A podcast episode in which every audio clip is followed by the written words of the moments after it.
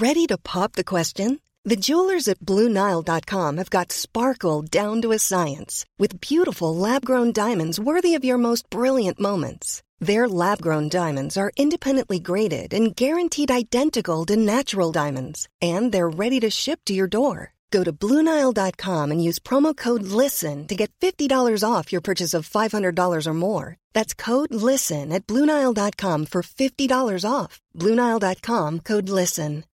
Millions of people have lost weight with personalized plans from Noom, like Evan, who can't stand salads and still lost 50 pounds. Salads, generally, for most people, are the easy button, right? For me, that wasn't an option. I never really was a salad guy. That's just not who I am. But Noom worked for me. Get your personalized plan today at Noom.com. Real Noom user compensated to provide their story.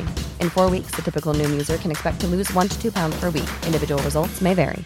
Hey, I'm Ryan Reynolds. Recently, I asked Mint Mobile's legal team if big wireless companies are allowed to raise prices due to inflation. They said yes. And then when I asked if raising prices technically violates those onerous two year contracts, they said, What the f are you talking about, you insane Hollywood ass?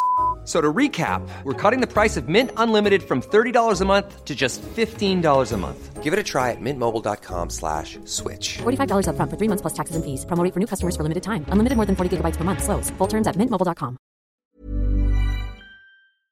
Palmemordet Psykologin kring mordet del 1 Viktor Gunnarsson Sveriges statsminister Olof Palme är död. 90 000. Ja, det är mord på Sveavägen. Hörde de säger att det är Palme som är skjuten. Mordvapnet med säkerhet är en Smith Wesson, en revolver kaliber .357. Inte ett svar. Finns inte ett svar. För jag har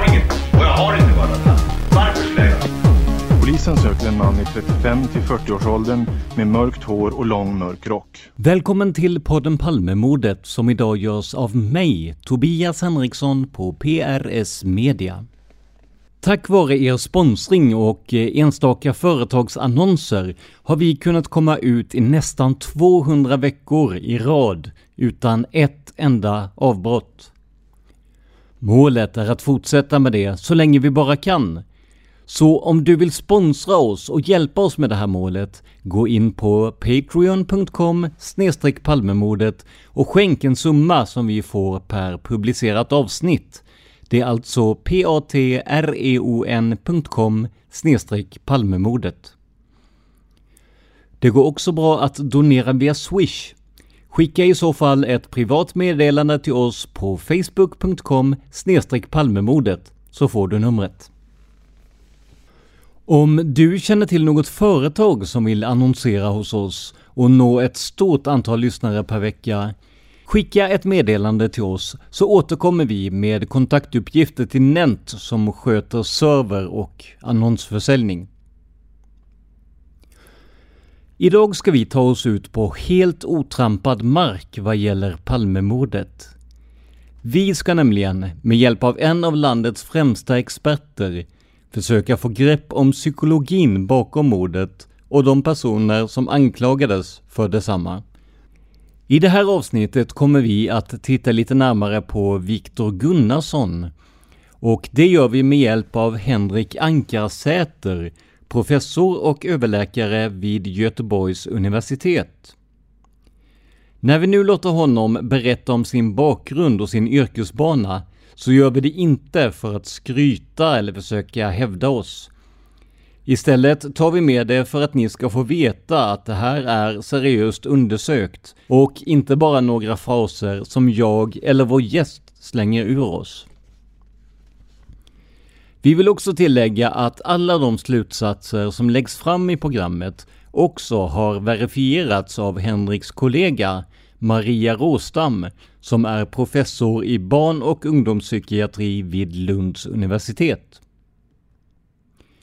Och vi vet att det finns svårigheter med att försöka gå på djupet med en avliden person.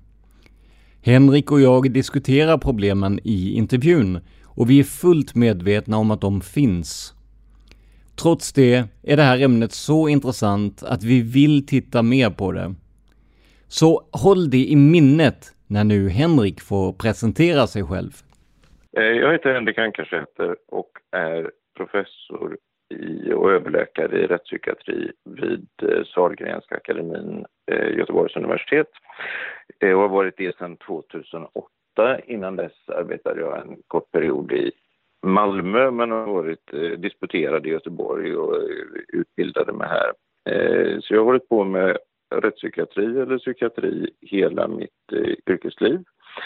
Eh, jag har eh, framför allt fokuserat eh, det som man kallar barnneuropsykiatriska eh, störningar hos våldsbrottslingar, alltså eh, ADHD, autismspektrumstörningar, inlärningsproblem, eh, Tourettes syndrom och den typen av problem. Och framför allt behandlat personer med eh, sådana eh, problem som, som har funnits i rättssystemet. Jag har inte arbetat åt polisen egentligen i någon nämnvärd omfattning men en hel del i kriminalvården och för Statens institutionsstyrelse.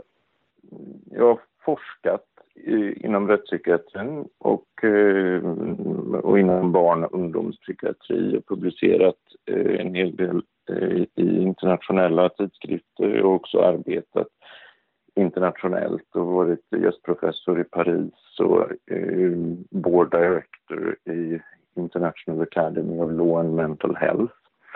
Så att eh, jag har en internationell och nationell förankring på, på det här området. Jag har varit vetenskapligt råd åt Socialstyrelsen och Kriminalvården och arbetat med utredningar eh, inom Rättsmedicinalverket eh, då, av personer som är, eh, som är åtalade och dömda för våldsbrott och skrev min doktorsavhandling genom att intervjua över hundra förövare till grova våldsbrott eh, och kartlägga deras psykiska problematik och eh, samla in uppgifter om dem och analysera dem.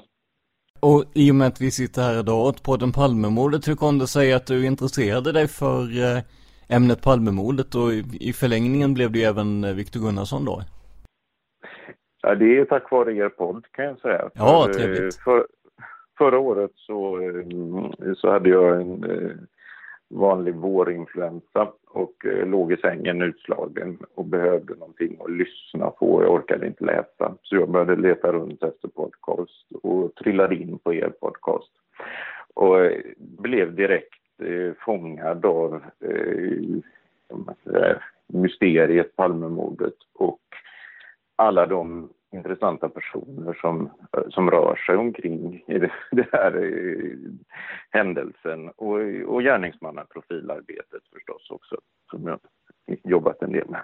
Vi har pratat lite du och jag kring eh, eh Viktor Gunnarsson där ju. Eh, nu eh, är ju han avliden sedan ett antal år tillbaka. I vilken mån går det att säga någonting om en persons eh, psykiska hälsa eh, när man inte kan prata med honom själv så att säga? Det är väldigt viktigt att säga att det går inte att ställa en klinisk diagnos eller att säga någonting alls med säkerhet. Samtidigt så har psykiatrin en unik kunskap om människor och mänskligt beteende, precis som psykologin, och kommer ju på så sätt eh, ofrånkomligen till användning när det gäller att förstå historiska personer som Churchills depressioner och alkoholism till exempel. Och det, det, är svår, det är svårt att låta bli att använda vår kunskap. Och etiskt kan man ju säga att som läkare så får man inte uttala sig om enskilda personer som, som är i livet eh, utan att ha tillräckligt underlag. Och det, det gäller egentligen personer som är avlidna också. Men man kan säga att man gör ändå i praktiken ett undantag för avlidna historiska personer där, där det publiceras artiklar även i vetenskapliga tidskrifter och så där man har diskuterat eh, då enskildas psykiska problem. Och man får väl säga att vi har ju pratat om detta en del när det gäller Viktor Gunnarsson och eh, i hans fall så han är ju en offentlig person, även om han blev det mot sin vilja. Eh, det var inte det var inte hans plan att, att bli en offentlig person, men när han väl var i offentligheten så skrev han ju böcker och ställde upp på intervjuer och eh, har ju också tyvärr lämnat ett väldigt negativt eftermäle eh, och är fortfarande misstänkt för Palmemordet i, i vissa kretsar och vissa skribenter och så. så.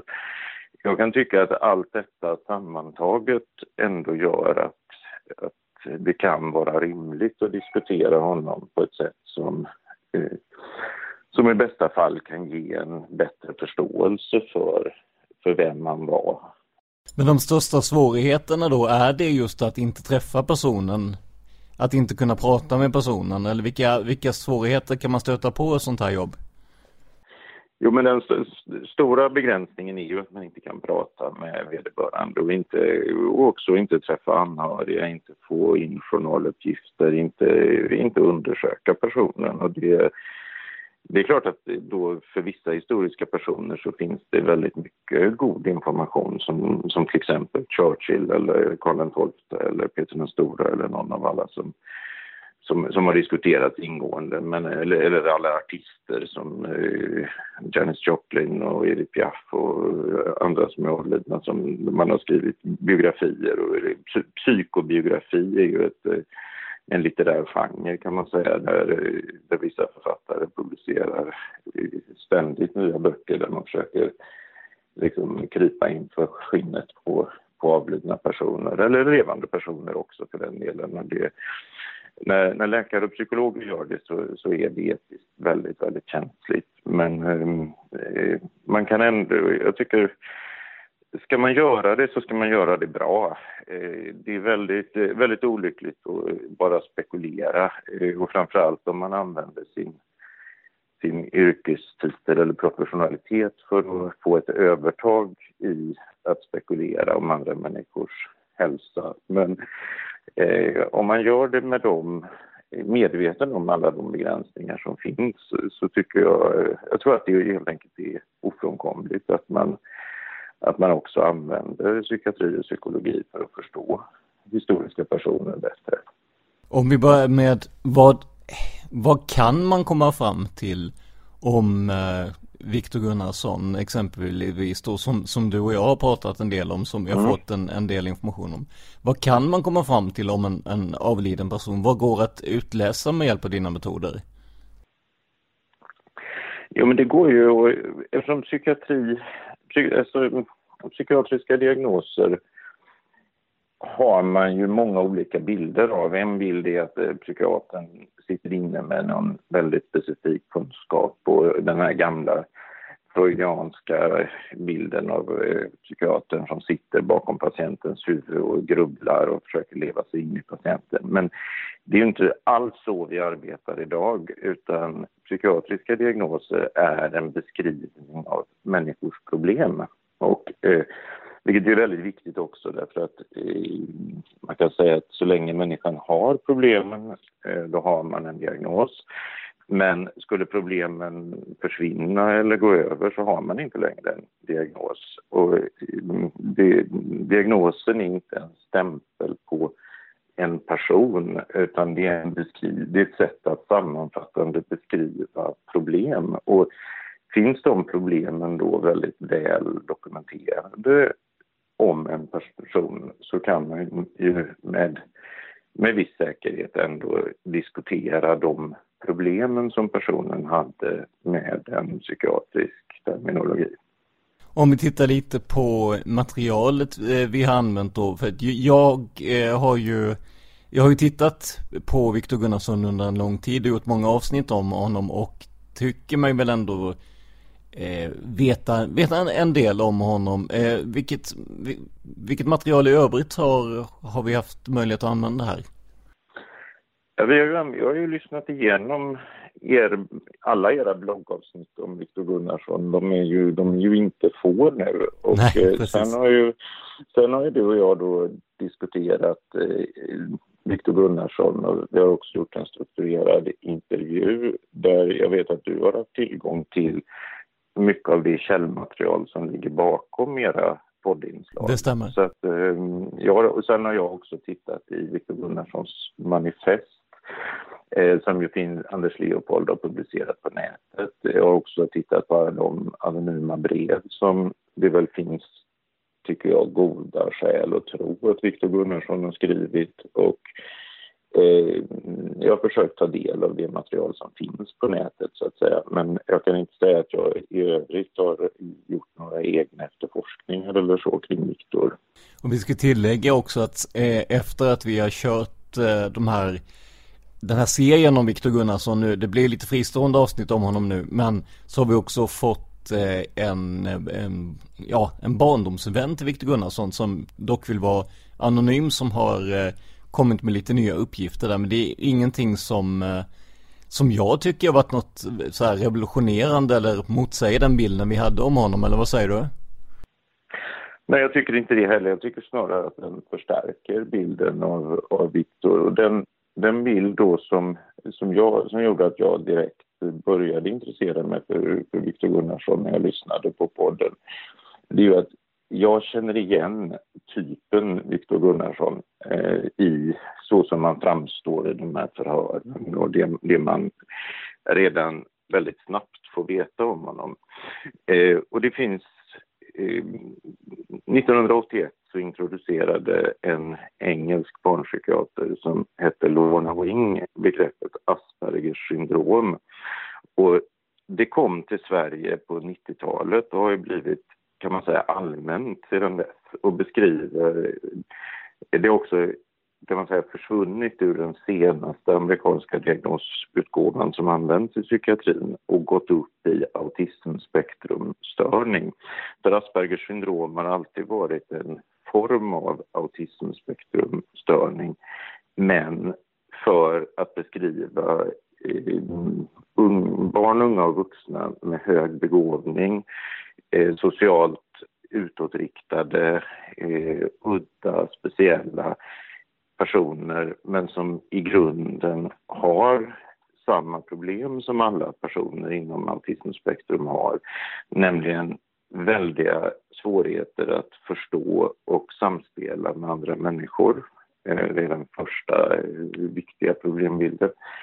Eh, att kommunicera språkligt och ospråkligt, alltså med gester, miner, kroppsligt Eh, och att uttrycka sig på ett begripligt, normalt sätt eh, som fungerar i sociala sammanhang för att få kontakt med andra.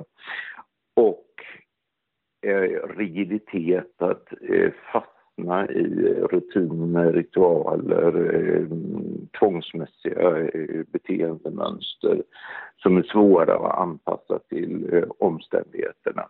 Och personer med Aspergers syndrom då kan man säga, och hela eh, autismspektrum eh, delade Lona Wing in i tre, sub, tre andra subgrupper av typer av beteendemönster kan man säga.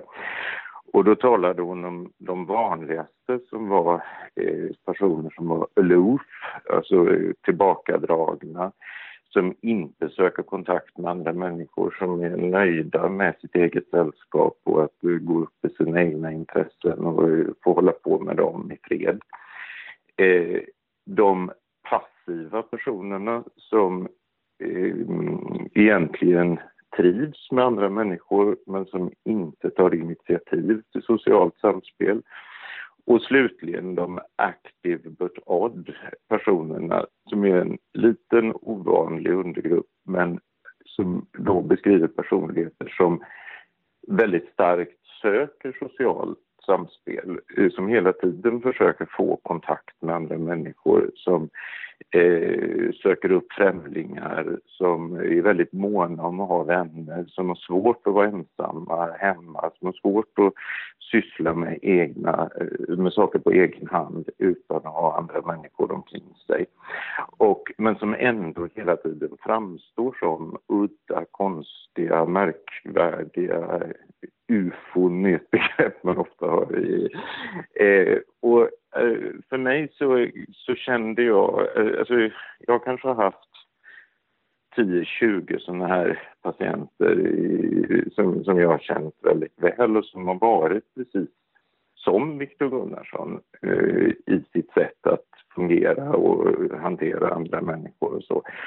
Eh, och som på samma sätt har ofta då valt ett annat språk eller en identitet, eh, framställa sig som om man kom från ett annat land, som har sökt upp främmande människor på stan, försökt inleda samtal på ett främmande språk eh, och som har betett sig väldigt, väldigt underligt och som på samma sätt då eh, samlats på vänner, i, skrivit långa, långa, långa listor på personer som man tycker sig vara, stå väldigt nära fast man, de andra personerna egentligen inte alls uppfattar det så utan bara tycker att det här är en konstig och kanske lite obehaglig person som, som tränger sig på och som man har svårt att stå emot.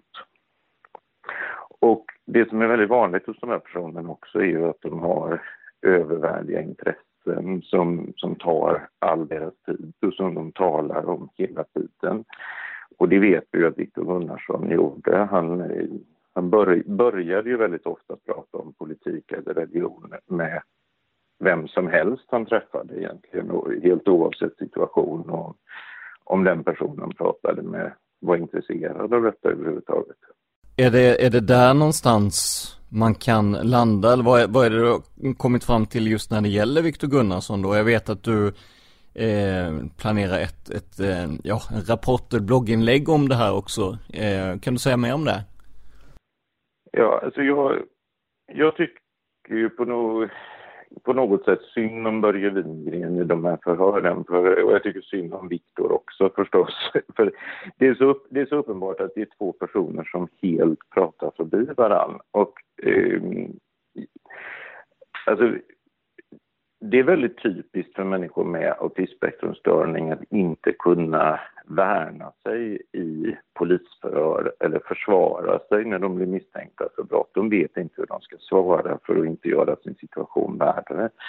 Och Viktor beter sig ju så eh, opassande på polisstationen. Han, eh, han skämtar runt och han ska bjuda på kaffebröd och han sätter sig i polisens stol och han försöker bli kompis med vittnena eller också göra en ut, utfall mot unga flickor som, som blir skrämda för livet och aldrig vågar vittna igen. Och, så att någonstans så kände jag direkt att det här är viktigt att ändå tillföra. Eh, Förhören och polisutredningen mot Viktor Gunnarsson tycker jag är ett praktexempel på hur man totalt missuppfattar och missförstår en person med autism. Vilket gjorde då att jag, att jag tog kontakt med er eh, för att höra om ni visste mer och om man kunde få fram mer information och så. För jag tycker det skulle vara viktigt att rätta till den här bilden av Viktor i efterhand.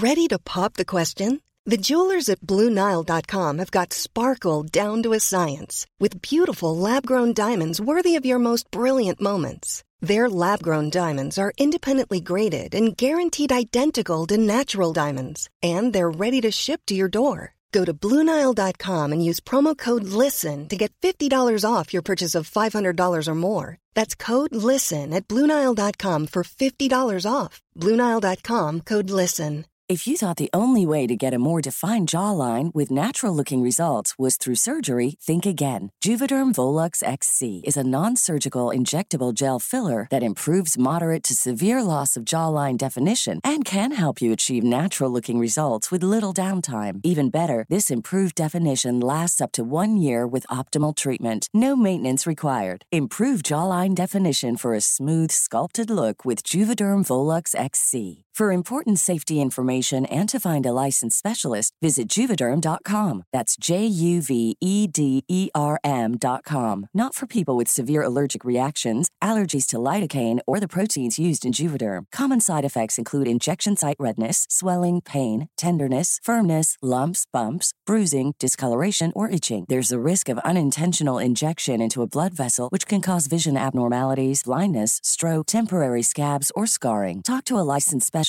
to find out if it's right for you. Quality sleep is essential. That's why the Sleep Number Smart Bed is designed for your ever evolving sleep needs. Need a bed that's firmer or softer on either side? Helps you sleep at a comfortable temperature? Sleep Number Smart Beds let you individualize your comfort so you sleep better together. JD Power ranks Sleep Number number 1 in customer satisfaction with mattresses purchased in-store. And now save 40% on the Sleep Number limited edition Smart Bed for a limited time. For JD Power 2023 award information, visit jdpower.com/awards. Only at Sleep Number stores or sleepnumber.com. Det känns ju som att, precis som du säger, Börje Wingren Eh, han, går ju, han går ju nästan igång på, på, på eh, eh, vad ska vi säga, eh, undvikande eller avvikande svar. Eh, det, det är inte mycket tålamod hos honom. Hur skulle man, hur kunde man gjort för att försöka få en bättre dialog i, med Viktor Gunnarsson eller med en person med de här problemen? Men idag tror jag att många poliser kan Eh, en del om autism. Jag har själv föreläst på polishögskolorna i Stockholm och Växjö om detta ämne så jag tror att det finns på deras, eh, i deras grundutbildning. Eh, många poliser har dessutom arbetat på, som personliga assistenter eller på gruppboende och kan en hel del om detta. Jag tror att man hade låtit Viktor prata själv mycket mer. Man hade, man hade kunnat bortse från hans eh, hans monologer. Man hade tag, tagit det mycket lugnare och inte pressat honom. För det är också väldigt typiskt i autismspektrumproblem att man är väldigt stresskänslig socialt. Eh, om, man, eh, om man pressas av andra människor, om man inte förstår hur man ska bete sig eller förstår vad andra människor förväntar sig av en, så, så varvar man upp och, och blir till slut osammanhängande. Och där tror jag man hade tagit idag mycket lugnare med Viktor. Och sen hade man ställt mycket mer konkreta frågor. Ehm, först hade man låtit honom prata själv, sen hade man ställt exakta frågor och sett till att i lugn och ro få svar på en fråga i sänder. För Börje Wingren ställer ju ganska öppna frågor och sen blir han jättearg för att Viktor inte ger eh, specifika svar som han vill ha. Men på något sätt, man hade ju verkligen velat att polisen tog det systematiskt. Vad hände, vilken tid, vad gick du sen, vem pratade du med, vad hände, vad såg du där, vad, vad hände där, vad köpte du, vad åt du, vad såg du för film? Lugnt och stilla istället för att eh, trösta honom på det sätt som, som de uppenbarligen gjorde. Viktor Gunnarsson har ju ibland av vissa i alla fall kallats för, ja men en, en, en vimsig idiot om man läser för en. Är det, är det den här, kan man förklara det med den stressen som uppstår helt enkelt? Att han kommer med vissa motsägande uppgifter och så vidare. Eh, går det att relatera till, till den här stressen du pratar om när att ha en autismspektrastörning i en, i en sån här pressad situation eller vad, för att vad vi har kommit fram till tycker jag är ju att han är ju inte på något sätt, eh, alltså han, han, han är ju en intelligent människa men ändå kommer han med ganska, oh ja. ändå kommer han ju med ganska eh, eh, antingen fantasifulla eller eh, självmotsägande svar. Vad kan det bero på då? Nej, men jag tror att det beror på just pressen, att han inte får tillfälle att tänka efter. Han, alltså förhören drar ju igång först då kort en vecka efter eh, mordet och sedan två veckor efter. Och jag, jag, skulle tro att han, hans liv har väl varit ganska sig likt under ett eh, antal månader i Stockholm. Där. Han, har, han har varit ensam, han har hela tiden sökt olika kontakter, han har ordnat sina pannkaksmiddagar, gått till kyrkan, pratat med folk på stan och det här är ganska rörigt i hans, tror jag, kroniskt ganska stressade tillstånd. Det beskriver ju folk som träffar honom också, att han är orolig och rastlös. Ja, forcerad. Och, ja. Han, forcerad, precis. Och han har liksom ingen riktig koll på vilken dag han har gjort vad eller eh, vart han har gått eller så. Eh, och kanske inte heller, hans minne kanske inte fungerar riktigt på samma sätt som det gör hos de flesta utan han, han kommer ihåg vissa detaljer som intresserar honom medan andra detaljer kommer han inte ihåg alls. Till exempel, till exempel vilken gång han har sett vilken film och så vidare. Och när då han blir pressad två veckor efter i de här förhören så, så låser det sig för honom. Jag tror att det är väldigt eh, förväntat. Eh, samtidigt, så, samtidigt så är det klart att han, han ger ju en oerhört vag bild av den här kvällen. Och de lyckas ju aldrig få en, en eh, rimlig händelsekedja från, från klockan 10-11 någonstans till, till han kommer hem på natten och sover hemma enligt sin egen uppgift. Då. Så det är klart att detta också blir väldigt otillfredsställande för poliserna och åklagarna. Och den, men fortfarande så tycker jag att det är slående att ingenstans så verkar ju polisen eller åklagarna ha en riktig bild av hur mordet skulle ha gått till om nu Gunnarsson var skyldig. Det, det, det är ju ingenstans eh, Samtidigt som de pressar honom på minnesbilder och exakta uppgifter så, så har de ju en väldigt vag uppfattning själva om hur det skulle kunna ha gått till. Hur han till exempel skulle kunna ha vetat var, var Palme var någonstans och var de skulle bo Jo, men när vi eh, eh tittade på Viktor Gunnarsson och när du och jag kom i kontakt med varandra så eh, hade vi någon, någon form av, eh, vad ska vi säga, självskattningstest eh, som vi försökte, försökte se om man kunde applicera. Kan du berätta lite om, om vad det här var för något för mig som inte riktigt är i din bransch så att säga? Nej, alltså jag gjorde en klinisk intervju med dig om Viktors problem och det är klart att så kan man inte göra för att få fram en klinisk diagnos. Men eh, med vårt syfte att, på, att bearbeta vad vi vet om Viktors problem på ett så systematiskt sätt som möjligt så tyckte jag att man ändå kunde försöka använda den här intervjun. Och detta är en intervju som är utvecklad av Kristoffer och Karina Gillberg här i Göteborg och som presenterades redan när Aspergers syndrom introducerades som diagnostiskt eh, begrepp i Sverige och som vi sedan har använt i mycket forskning på området. Jag själv har använt den i, i många studier och med väldigt mycket klienter så att eh, jag har nästan kunnat den utan till. Men samtidigt så när jag då ställde de här frågorna till dig eh, med alla de reservationer som vi gör så tittade varken vare sig du eller jag på poängberäkningen. Så att det var inte, och jag har inte, det var några år sedan jag gjorde den senast. Så att jag kan säga ärligt att eh, det var inte så att vi satt och liksom tillrättalade informationen för att eh, få till en diagnos utan vi gjorde detta väldigt förutsättningslöst. Och sen tittade, vi, tittade jag efteråt på poängsättningen då. Och vi kan ju nämna att jag känner ju inte till eh, den poängsättningen överhuvudtaget då i och med att jag inte har eh, jobbat med den här så att eh, det är utan som sagt det var förutsättningslöst. Ja, fortsätt. Och intervjun heter då, den heter eh, The Asperger Syndrome Diagnostic Interview ASDI och den finns på Gillbergscentrums hemsida vid Göteborgs universitet. Och den består då av sex forskningskriterier för Aspergers syndrom och sen har vi ofta i studier lagt till en sjunde fråga om perceptionsstörningar, alltså hur man uppfattar sinnesintryck. Och om man bara går igenom den jättesnabbt så är det första kriteriet stora svårigheter i fråga om ömsesidig social interaktion. Och där kan man säga att Viktor beskrivs ju ofta som en snygg och trevlig kille som lätt får kontakt med folk eh, ute på stan och så. Men som väldigt snabbt uppfattas som udda, obegriplig, opolitlig, lögnaktig, eh, svår, och, eh, svår med ömsesidighet gå på alldeles för hårt med främmande människor, eh, kan inte upprätthålla rela, eh, eh, reciproka ömsesidiga relationer under någon längre tid med någon egentligen. Så att det, det är klart att Viktor uppfyll, Viktors problem motsvarar det här kriteriet kan vi säga.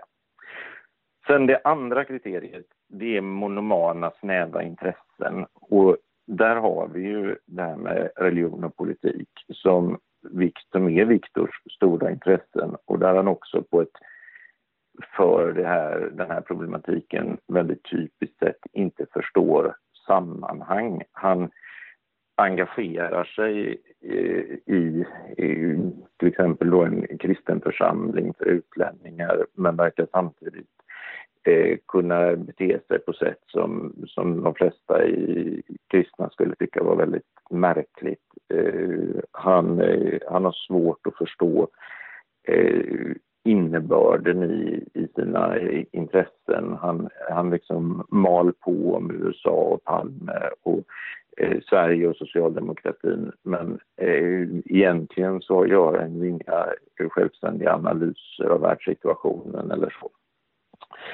Eh, det tredje kriteriet är tvingande behov av rutiner och intressen och det är väl lite, lite svajigare kan man säga. Viktor var ju inte en rutinmänniska på det sättet men eh, samtidigt så han, detta att han hela tiden återkommer till sina egna intressen och bara pratar om dem gör att en särskild fråga är om man påtvingar andra sina egna intressen och det får man ju säga att Viktor verkligen, det, det klagar ju alla på som, som har varit runt Viktor att han, han inte kan intressera sig för det som gäller dem utan bara gå på om, om sina egna intressen.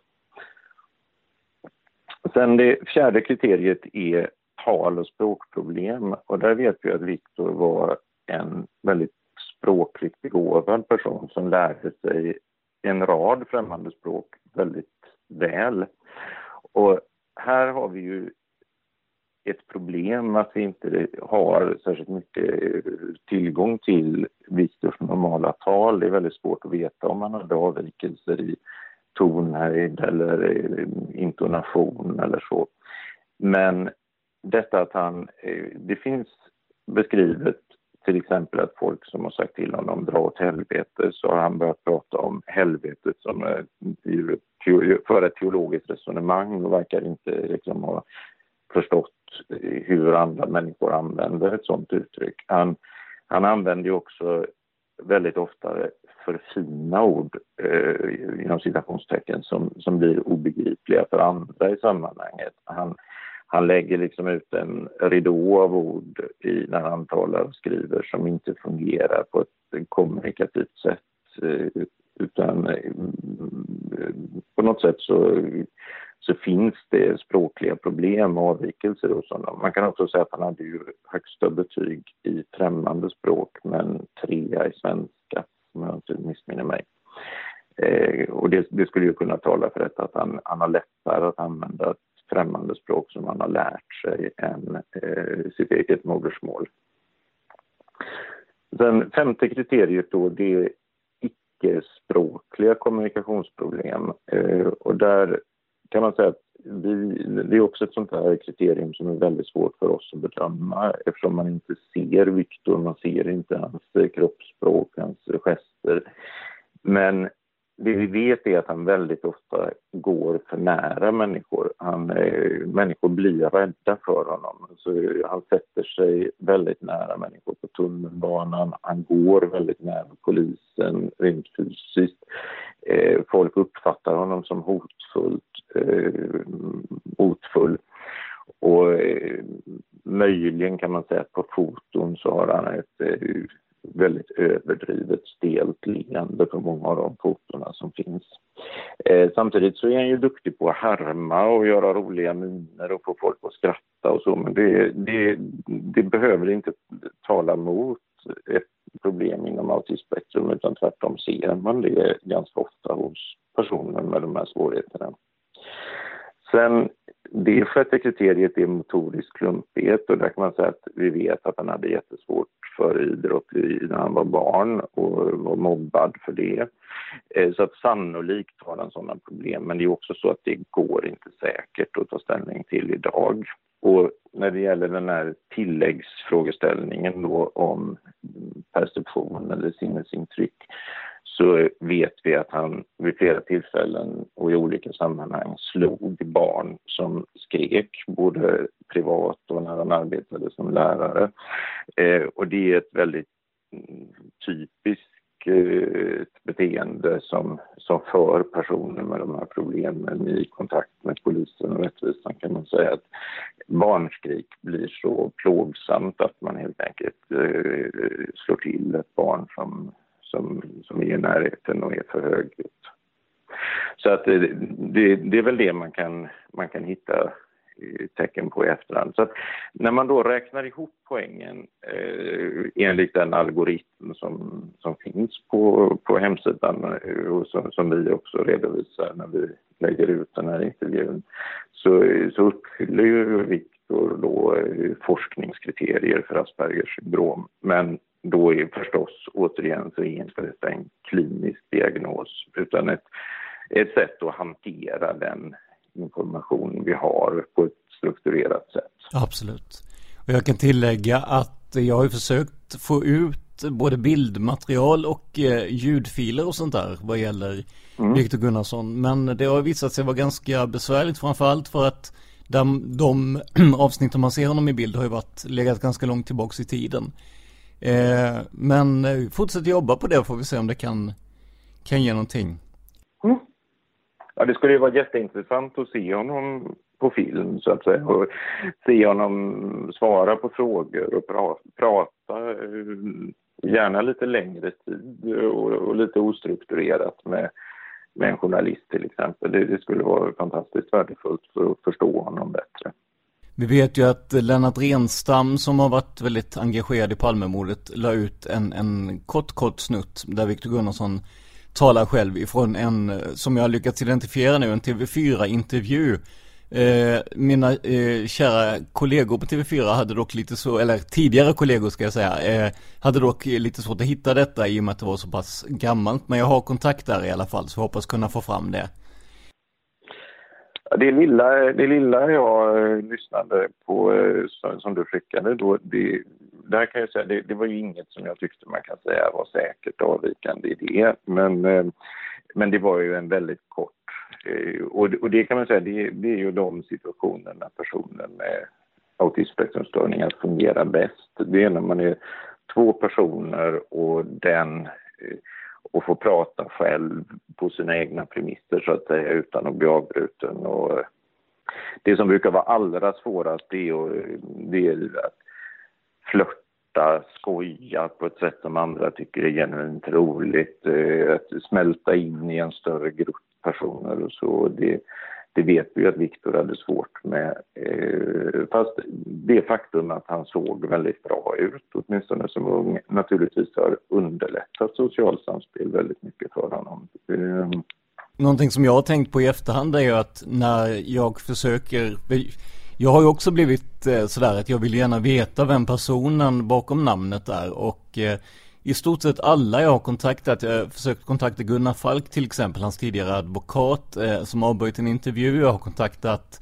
eh, medlemmar ur hans eh, familj, de som är efterlevande och eh, de har avböjt intervju. Eh, jag tror, ja, tidigare flickvän avböjt intervju. Det är väldigt många som eh, eh, som inte vill prata om Victor Gunnarsson trots all den här tiden som har gått. Eh, och eh, i, i, som jag, de svaren jag har fått så, eh, så, har jag känt att man kände sig lurad, kanske lite dum för att man gick på hans, eh, vad ska vi säga, eh, ja, hans prat eller vad man ska säga då. Eh, det, det, det, det, det är absolut ingen, det, det är en egen tanke men det, det är de svaren jag har fått i alla fall att eh, det ligger bakom dem och de vill inte förknippas med det. Jag vet inte om det, om det ger någon upplysning.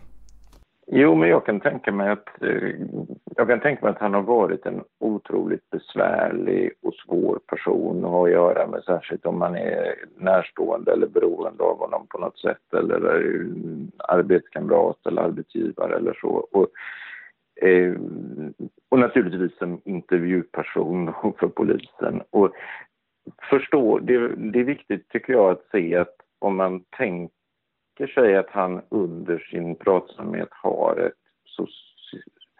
sociokommunikativt funktionshinder så blir det ju mycket lättare att förstå honom. Att han går på på det här sättet och, och ljuger och, och beter sig illa eh, för att, han, för att det är hans sätt att få sociala kontakter Eh, han kan inget annat och kan inte bättre, då, då får man ju ändå en, en mer... Man kan på något sätt, tycker jag, ändå se Viktor Gunnarsson som en person som, som först säkert har kämpat väldigt mycket med sitt liv utifrån. Han är ju en, en väldigt begåvad ung pojk som ändå inte får någon högre utbildning, som inte klarar att etablera sig på arbetsmarknaden, som inte fungerar. Det, det kan man säga är ett väldigt viktigt generalkriterier. För man kan ha, vi människor kan ha drag av Asperger eller ADHD eller Tourette eller så, men fungerar vi bra i arbetslivet och fungerar, eller har en bra sysselsättning och kan vi ha nära relationer så har vi ingen psykisk sjukdom, absolut ingen. Vi är inte i närheten av en psykiatrisk diagnos. Så att, Eh, innan vi överhuvudtaget börjar göra sådana här intervjuer eller prata i termer av eh, psykisk ohälsa eller så, så, så måste man ju eh, veta att personen har en eh, funktionsnedsättning eller ett eget inre lidande. Lidande vet vi inte så mycket om när det gäller Viktor, för han beskriver ju inte det själv, men vi kan nog ana oss till att eftersom han har varit så utåtriktad och kontaktsökande och samtidigt haft så svårt att, eh, att etablera relationer så har han säkert haft ett stort lidande. Och hans liv redan innan Palmemordet var ju en lång rad misslyckanden och sen hamnade han ju i en situation som som väldigt få av oss skulle haft svårt att skulle klara att hantera på ett riktigt bra sätt. Det, det, det, det är klart att det är fruktansvärt svårt att bli anklagad för, för någonting man, man har gjort en kväll för två veckor sedan när man inte riktigt kommer ihåg vad man gjorde och inte har något alibi och inte kan och inte har mycket att sätta emot en polis som, som möjligen också körde en del fula trick och så. Det, det finns ju sådana uppgifter om Börje Lundgren från många håll. Vi kan bara ge det som utmaning till, till lyssnarna också att om vi nu, om vi tänker det som att Viktor Gunnarsson inte skulle ha gjort eh, den här gärningen eh, så är det ju i stort sett en vanlig fredagkväll för honom för två veckor sedan. Om ni försöker tänka på vad ni gjorde en fredagkväll för två veckor sedan, hur detaljerade hade ni kunnat vara? Det är ett ganska intressant minnesexperiment tänker jag. Hur mycket minns man egentligen även om man är normalfungerande efter, efter två, eh, två veckor av någonting som man tyckte var en ganska vanlig dag? Ja, själv skulle jag inte kunna minnas någonting. Nej. Säga, det, det är ju lite åt det inte, hållet faktiskt. Inte specifikt, inte med klockslag. Nej, nej, nej det precis. Skulle vara, det skulle vara enormt ja. svårt. Absolut. Men med de här ehm, eh, reservationerna då för att vi inte har kunnat prata med Viktor Gunnarsson att en del material har varit ofullständigt. Går, alltså den här eh, Asperger-diagnosen eller eh, ja, den indikationen, med vilken grad av säkerhet kan man vilken grad av säkerhet kan man sätta på den helt enkelt? Jag skulle säga att jag själv är helt säker. Eh, men det är klart att det betyder, det, jag är helt säker utifrån att jag har träffat andra människor som har haft precis likadan problematik och lärt känna dem ganska väl och förstått hur de fungerar och följt dem under flera år och så. Eh, så att, att Viktor Gunnarsson hade någon slags autismspektrumproblematik, det, det tycker jag man kan faktiskt vara helt säker på eftersom Förutsättningarna för det, det är att man har en, en nedsatt förmåga till socialt samspel, nedsatt förmåga till kommunikation och nedsatt förmåga till att flexibelt variera sina intressen och sitt, eh, sina aktiviteter. Och, eh, där hade han problem och det, det, var det som gjorde att han inte hade kunnat etablera sig på arbetsmarknaden och fungera redan innan Palmemordet. Så jag tycker man kan vara ganska säker på att någon slags problematik på det här området hade han. Sen, eh, sen exakt hur den ska beskrivas i kliniska termer och så, där, där kan man inte vara säker i efterhand. Och, eh, där, och man får då komma ihåg att psykiatriska diagnoser är bara just en, en,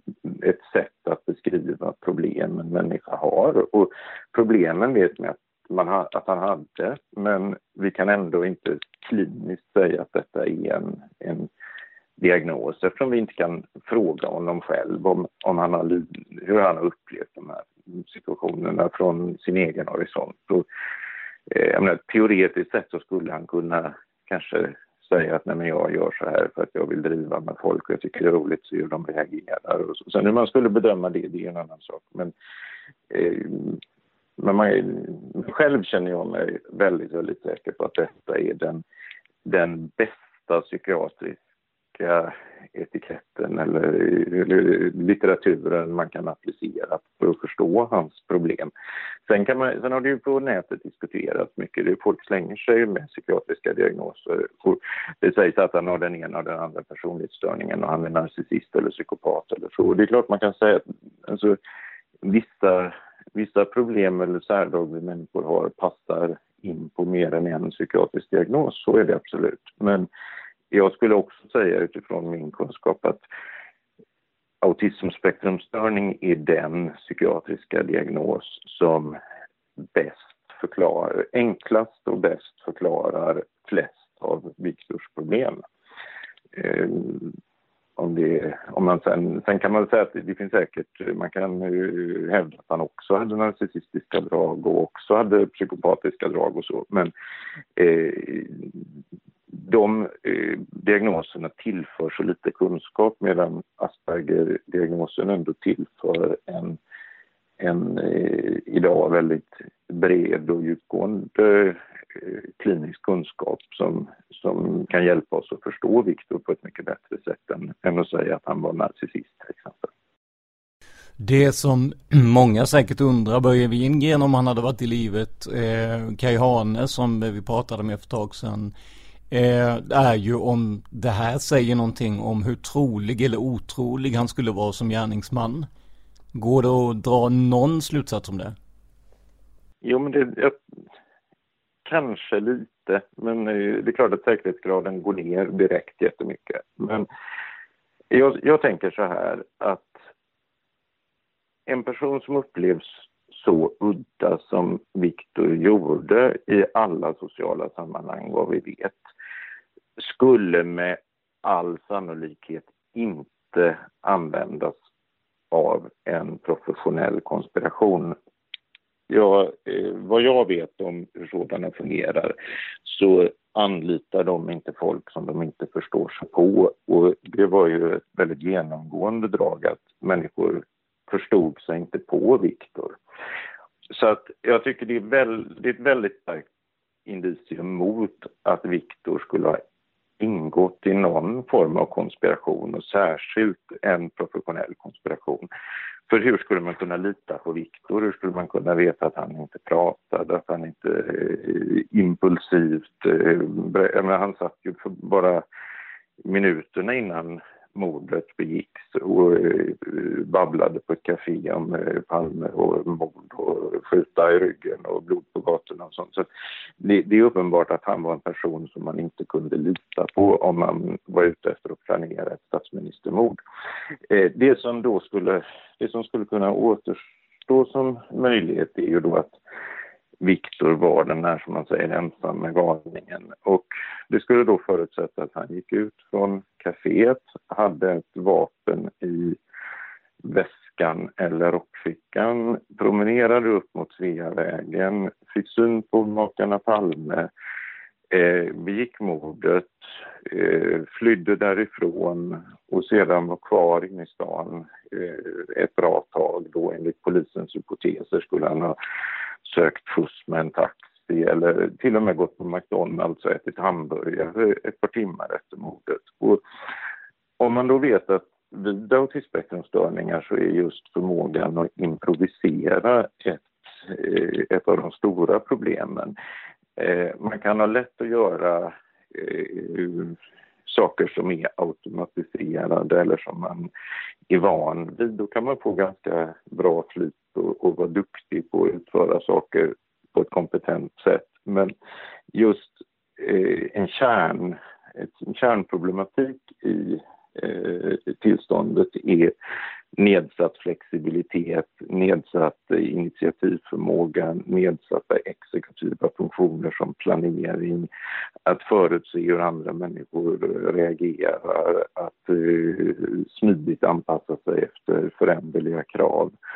Och allt detta sammantaget gör ju att jag har otroligt svårt att se Viktor som den gärningsman som ändå lugnt och planerat går upp bakom Olof Palme och skjuter honom och lyckas ta sig därifrån. Även om tur måste ha varit ett, ett starkt inslag för vilken gärningsman man än tänker sig så, så, så att Viktor Gunnarsson skulle klara någonting sånt och sedan hålla tyst om det under resten av sitt liv. Och faktiskt, även om då det sägs att han kanske har eh, antytt någonting eller rent av skrutit om att han skulle ha mördat Palme i USA så eh, att han, om han verkligen hade gjort det, skulle klara att hålla tyst och stå i linjen efteråt, det, det, tycker jag är helt eh, omöjligt att föreställa mig. Men eh, det är klart att säkerheten i det uttalandet i, precis som i att eh, han skulle vara otänkbar för en konspiration. Det, det, det är gissningar och antaganden.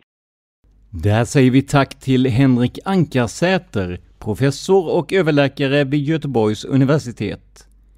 Vi hoppas få återkomma till honom igen för att diskutera andra psykologiska frågor med anknytning till mordet. Hela den här sammanfattningen om Viktor Gunnarsson publiceras i samband med avsnittet på Henriks blogg och adressen dit hittar du på vår Facebook-sida facebook.com Palmemordet. Det här var podden Palmemordet som idag gjordes av mig, Tobias Henriksson på PRS Media. För mer information om mig och mina projekt besök prsmedia.se eller gilla oss på Facebook, facebook.com prsmedia.se. Och vi påminner igen om Henriks blogg där du kan läsa mer utförligt om det här och andra ämnen med anknytning till Palmemordet. Länken till den postas på vår Facebook-sida. Tack för att du lyssnar på podden Palmemordet. Man hittar Palmes mördare om man följer PKK-spåret till botten. Därför att ända sedan Julius Caesars tid har jag aldrig hört talas om ett mord på en framstående politiker som inte haft politiska skäl. Polisens och åklagarens teori var att han ensam hade skjutit Olof Palme. Och det ledde också till rättegång. Men han frikändes i hovrätten.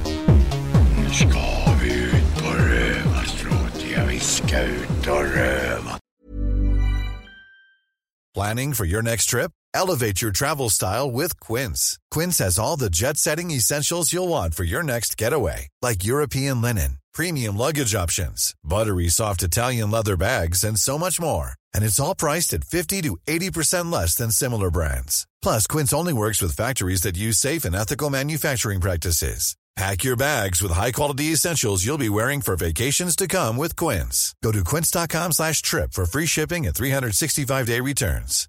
Hi, I'm Daniel, founder of Pretty Litter. Cats and cat owners deserve better than any old-fashioned litter. That's why I teamed up with scientists and veterinarians to create Pretty Litter. Its innovative crystal formula has superior odor control and weighs up to 80% less than clay litter. Pretty Litter even monitors health by changing colors to help detect early signs of potential illness. It's the world's smartest kitty litter. Go to prettylitter.com and use code ACAST for 20% off your first order and a free cat toy. Terms and conditions apply. See site for details. Here's a cool fact a crocodile can't stick out its tongue. Another cool fact you can get short term health insurance for a month or just under a year in some states. United Healthcare short term insurance plans are designed for people who are between jobs, coming off their parents' plan, or turning a side hustle into a full time gig. Underwritten by Golden Rule Insurance Company, they offer flexible, budget friendly coverage with access to a nationwide network of doctors and hospitals. Get more cool facts about United Healthcare short term plans at uh1.com.